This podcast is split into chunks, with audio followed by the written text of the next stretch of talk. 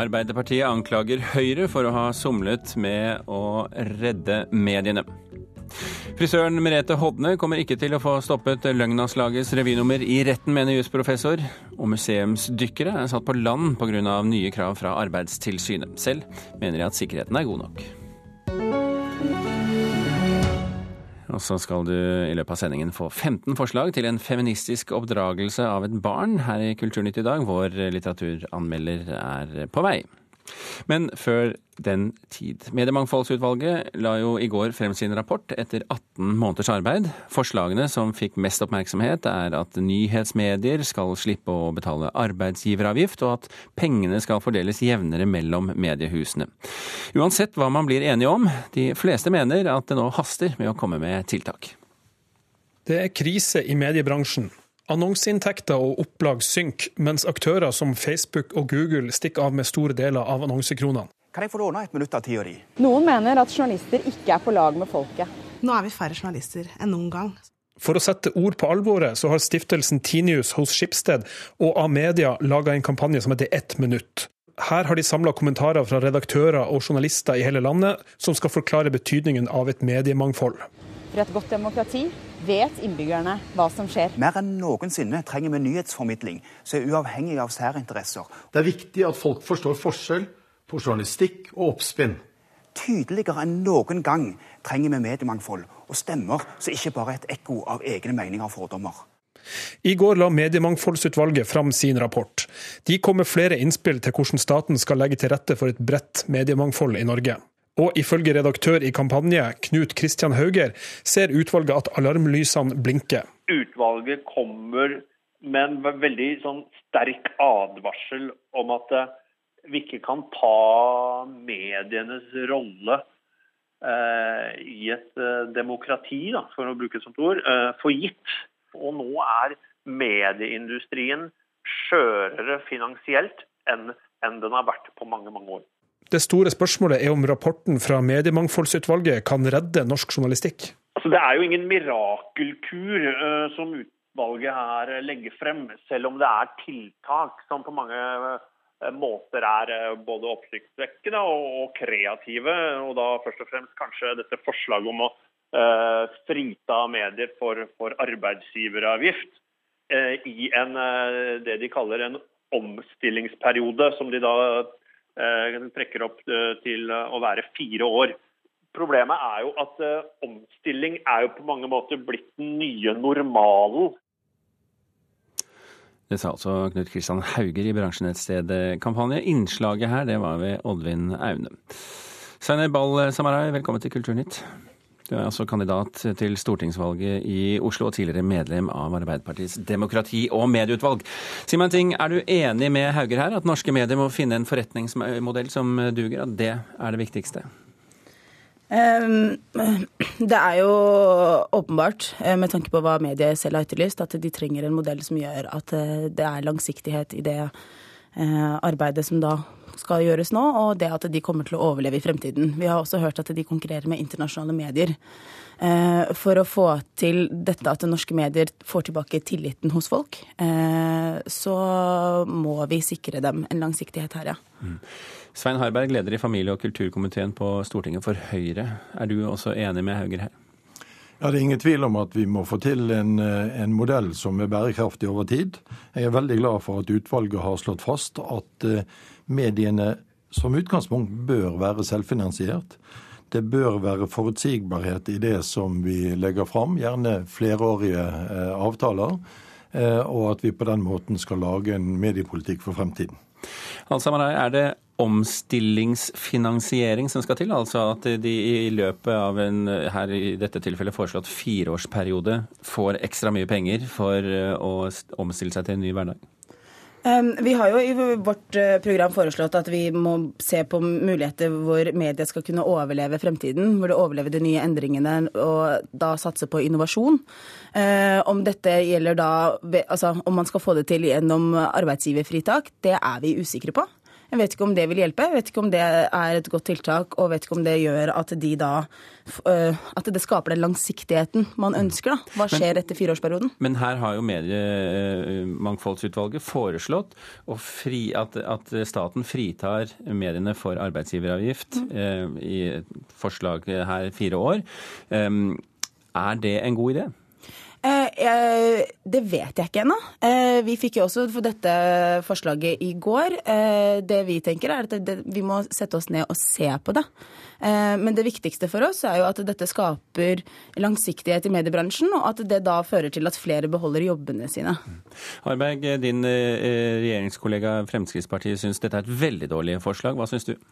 Nei, Jeg har ikke tenkt å skyte ned eller eh, vedta noen av disse forslagene her i dag. Til det er altfor alvorlige eh, tiltak som vi må se på. Men det er klart det er store betenkeligheter med det å gå til det skritt å gi eh, arbeidsgiveravgiftsfritak til en bransje som akkurat nå er i en krise. For da ser jeg for det første for meg et prinsipp som vi innfører, som også mange andre bransjer vil hive seg på. For det andre så er det veldig mye penger, eh, og vi må se om de er treffsikre, eller om det er andre måter vi kan sette inn ressursene på. Det er jo et lite paradoks at utvalget slår fast at eh, mediene bør være selvfinansiert, og samtidig foreslår det da en, en 700-800 millioner i tillegg til det som er i støtte fra før. Men det betyr også da at hvis dere tar vekk dette forslaget fra Mediemangfoldsutvalgets rapport, eh, så er det jo ikke så mye eh, og sterke insentiver igjen i den rapporten? Jo, det er det virkelig. Vi har jo gjort ett tiltak som denne regjeringen har gjort. Det var å skaffe nullmoms på nyhetsmedier. De foreslår å utvide det til andre medier. Det syns jeg er et godt tiltak. Vi har sett at det var riktig riktig å gjøre det. Vi har fått gode tilbakemeldinger på at det grepet vi gjorde, er viktig. Nå skal vi se på om vi skal gå videre på den, og det er noe som vi har drøfta over tid. Jeg er glad for at Mediemangfoldsutvalget også tar det opp. Eh, en eh, veldig klar og tydelig beskjed fra Mediemangfoldsutvalget, som altså har jobbet med dette her i 18 måneder, kompetente mennesker. De sier at politikerne har vært alt, alt, altfor trege. Er du enig? Eh, det er jeg helt enig i. Eh, Demokrati- og medieutvalget til Arbeiderpartiet satt jo ned med dette her for snart over altså, to år siden. Eh, flere av de forslagene som vi ser ble lagt på bordet nå, er identiske med de vi foreslo den tiden. Eh, det er jo ikke sånn at vi fant på disse forslagene selv da. Vi hadde jo også dialog med disse menneskene som foreslo dette. Eh, de siste to årene har vi foreslått også eh, bl.a. stiftelse når det kommer til NRK, og produksjonsstøtte. Og dette er forslag som regjeringen ikke har valgt å følge opp, til tross for at det også nå ligger på bordet. Nå skal Alzheimer verken få skylden for Harberg eller æren for mediepolitikken til Arbeiderpartiet da de satt i posisjon. Men er du enig i at både de og dere har vært for trege? Nå må vi skille mellom tingene her. Mediemangfoldsutvalget er nedsatt for å se på en fremtidig mediepolitikk som sikrer at vi har den demokratiplattformen som vi har gjennom media i dag, at den også skal være inn i fremtiden. For eh, snart fire år siden så ble jeg leder for denne komiteen, og noe av det første vi gjorde, var å gå i dialog med mediebransjen om hva skal vi gjøre for de. Det budskapet har forandra seg betydelig i løpet av disse tre-fire årene. Så de akuttiltakene må vi ikke blande inn i Mediemangfoldsutvalgets arbeid. Nei, det, var de gjort... de, det, var bare det at de sa at dere måtte ja. rappe på. Jo, men så har vi altså innført nullmomsen på nyhetsmedier. Så har vi altså nå satt i gang eh, et grep i forhold til kommersielle allmennkringkaster. Vi har satt i gang en prosess om finansiering av NRK, der eh, Arbeiderpartiet sier nei, men vi må vente på Mangfoldsutvalget. Nei, vi setter i gang nå, for det er viktig å finne de fremtidige prinsippene for de sakene. Kort replikk til slutt, eh, alle sammen her. Nå er det jo slik at De siste to årene så har vi foreslått flere av disse tiltakene, så vi kunne allerede fått det til tross for at liksom medieutvalget har sittet og jobbet. Men poenget er nå hva skjer? Det har blitt lagt frem. Eh, eh, statsråden sier at man skal vente på høringen. Hva skjer etter høringen? Da er det valgkamp. Og etter det så sitter man og kanskje har en ny kulturminister. Det er flere måneder til. Media selv sier at de kan ikke vente så lenge. Så hva skal Høyre gjøre for å få dette i gang nå? Ja, Det er interessant arbeid, men tiden går dessverre fra oss helt her. Eh, takk for at du var med fra Høyre. Zaineb Al-Samarai fra Arbeiderpartiet, takk også til deg.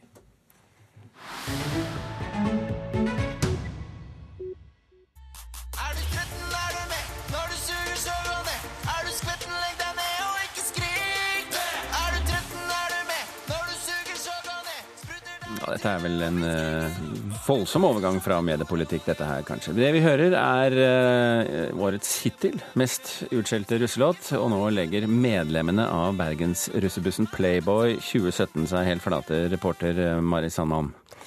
Ja, det har vært skrevet mye om denne låta de siste dagene.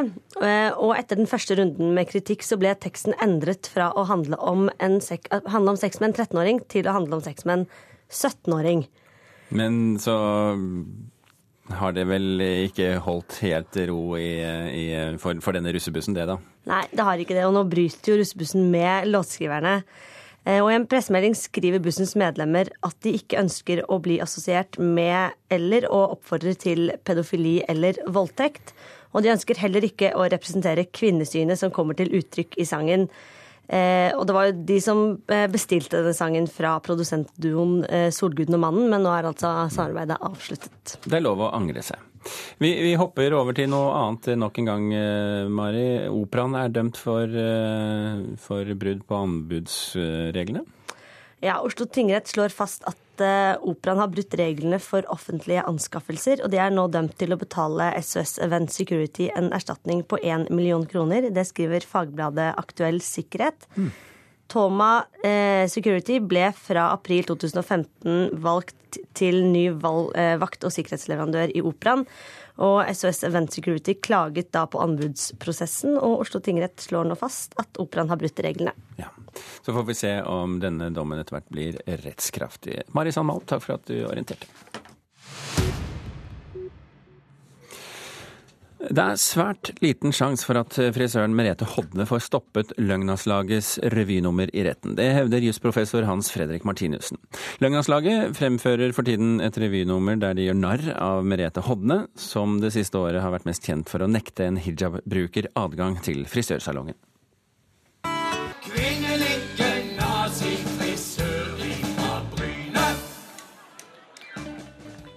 En sang blir framført på en revyscene.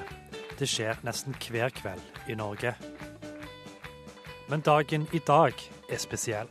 For i dag skal Merete Hodne fra Bryne forsøke å stanse videre framføring av hijab-nummeret til revygruppa Løgnanslaget i Stavanger. Jeg mener at uh, det er en liten, svært liten sjanse for at uh, Merete Hodne kan vinne frem. Det sier jusprofessor Hans Fredrik Martiniussen. Ja, du er nødt til å gå til han for ytringsfriheten står sterkt i Norge, sier Jon Wessel Aas, som er ekspert på ytringsfrihet. I 2004 ble Grunnloven pussa opp, og sensur ble i praksis forbudt. Der er Det klare utgangspunktet er at det er forbudt. Okay. Slik, at, eh, ja, slik at folk som eh, i utgangspunktet være henvist til å bare kreve eventuelt erstatning hvis de mener at det har vært krenkende. For det er altså mulig å søke erstatning i etterkant hvis du mener at noen har sagt eller skrevet noe som har skada deg på en måte som kan kompenseres med penger. Det sier jusforsker Anine Kierulf. Fordi man tenker at det er av betydning at eh, ytringer får komme ut i det frie rom for derved å kunne bekjempes gjennom motytringer. Har du hodet blankt der, så får du deg på trynet. Per Inge Torkelsen synger videre på revyscenen i Stavanger. Grunnloven er altså konstruert for at Merete Hodne skal ta debatten med revygrupper i det offentlige rom. Og så kan domstolen vurdere etterpå om hun kan få erstatning.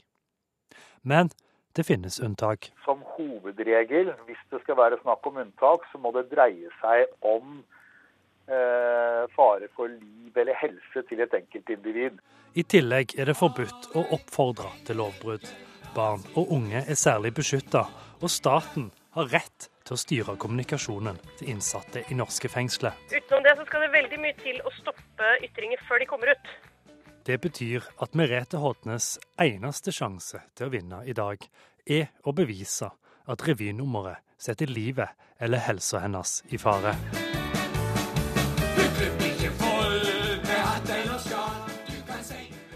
Reporter her det var Eirik Gjesdal. Vi har selvsagt eh, vært i kontakt med Merete Hodne og hennes advokat. De sier at de ønsker minst mulig medieoppmerksomhet, og ønsker ikke å kommentere denne saken for oss. Klokken er 18 minutter over åtte. Du hører på Kulturnytt, og dette er toppsakene i Nyhetsmorgen i dag. Nesten halvparten av medisinstudentene studerer i utlandet. Norge må ta et større ansvar og opprette flere studieplasser, mener studentene selv. Angripere har tatt seg inn i et militærsykehus i Afghanistans hovedstad Kabul. Det meldes om eksplosjoner og skyting. Og kun 22% av toppsjefene i norsk næringsliv er kvinner, viser en rapport fra arbeidsgiverorganisasjonen Spekter. Rundt 70 dykkere ved museer og forskningsinstitusjoner er nå satt på land, fordi Arbeidstilsynet har innført nye krav til sertifikat og utstyr. De vitenskapelige dykkerne mener endringen er unødvendig, og imens rammes flere store utbygginger og kulturminneprosjekter. Dette er lyden av en marinarkeolog som undersøker gamle havnelag i Børevika ved Oljemuseet i Stavanger, der det ble gjort funn som kan gå tilbake til 1600-tallet. Men nå er de tre dykkerne ved Stavanger Maritime Museum satt på land inntil videre. Med den opplæringen som vi har og det utstyret vi har, så kan ikke vi lenger dykke. Sier marinarkeolog Arild Vivås, en av inntil 70 vitenskapelige dykkere i Norge som nå ikke får gjort jobben sin pga. endringer Arbeidstilsynet innførte for få uker siden. Jeg synes det er ganske trist, for vi har jo nå i eh, godt og vel et år gått og gleda oss til å kunne gå i gang med forskningsprosjekt i Hafrsfjord, hvor vi skal ut og undersøke. Bare i Rogaland kan både rensing av havbunnen i Galeivågen i Stavanger og ny rørledning i Strand bli forsinket, fordi dykkerne ikke først får lett etter kulturminner. Men det aller første som blir utsatt i Stavanger, er leting etter bevis for slaget i Hafrsfjord og samlingen av Norge. Så nå må vi sitte på kontoret istedenfor.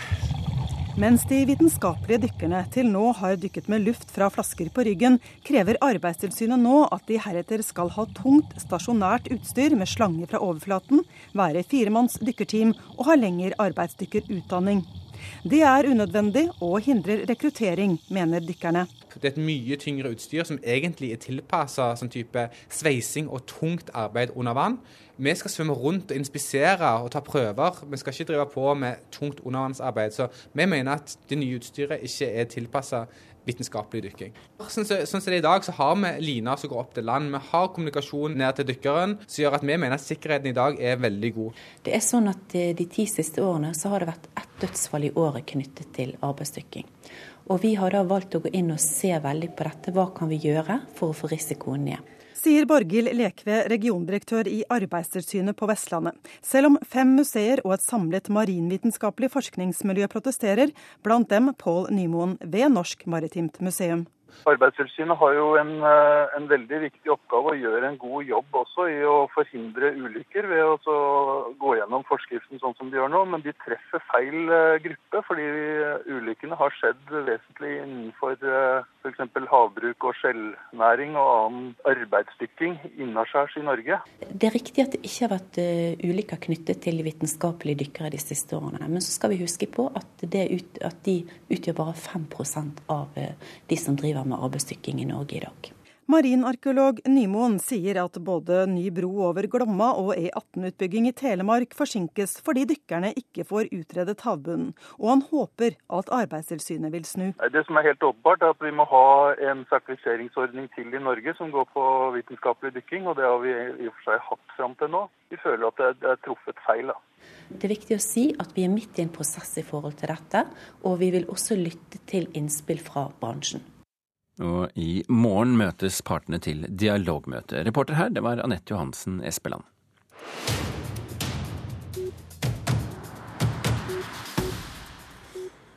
Om du nettopp har våknet, så kan jeg fortelle deg at det er 8. mars i dag. Det er den internasjonale kvinnedagen, og hva bedre da enn å snakke om den nigerianske forfatteren Chimamanda Ngozi Adichie. Eh, hun er nemlig aktuell med et eh, feministisk manifest.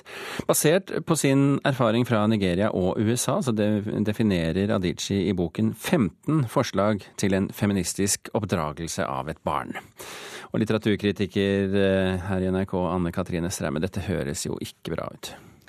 Nei, det kan du si. Men det er interessant å lese dette lille manifestet. Det er ikke stort, det er på ca. 50 sider. Eh, Adichie hun er jo altså fra Nigeria og kom til USA da hun skulle begynne å studere. Og hun sier selv at hun ikke opplevde at hun var svart før hun kom til USA. Der fikk hun smake på fordommer som angår en hel menneskegruppe, og ikke bare et enkeltindivid. Men, men, men hva er feministisk oppdragelse av et barn? Um, det kan man jo lure på. Og det man kan sette et spørsmålstegn ved her, tenker jeg, er at det er en bok som er rettet til en eh, mor og hennes datter. Uh, hvorfor er det ikke rettet til en far og hans sønn? Mm. Um, eller datter. Eller datter. Uh, men det hun gjør, er at hun fremmer noen forslag til refleksjon, til meningers mot. Hun har noen helt konkrete forslag som kanskje passer bedre i Nigeria enn i Norge. F.eks. så sier hun at jenter ikke må definere seg som koner og mødre først og fremst, og at de må tro at de selv kan tjene til livets opphold og ikke være avhengig av en ektemann. Det er sånne ting som jeg tenker at det, det, er vel ikke så aktuelt i Norge lenger. Ja, Det er ikke helt uaktuelt heller, skjønner du. Nei, det kan, kan være det. Men så har hun andre forslag som, som er veldig viktige, og det er f.eks. Hun sier um, lær datteren din om forskjeller når du lærer henne om undertrykking, pass på å ikke beskrive alle, alle undertrykte som helgener. Eh, snakk om sex, at det handler om å få like mye som å gi.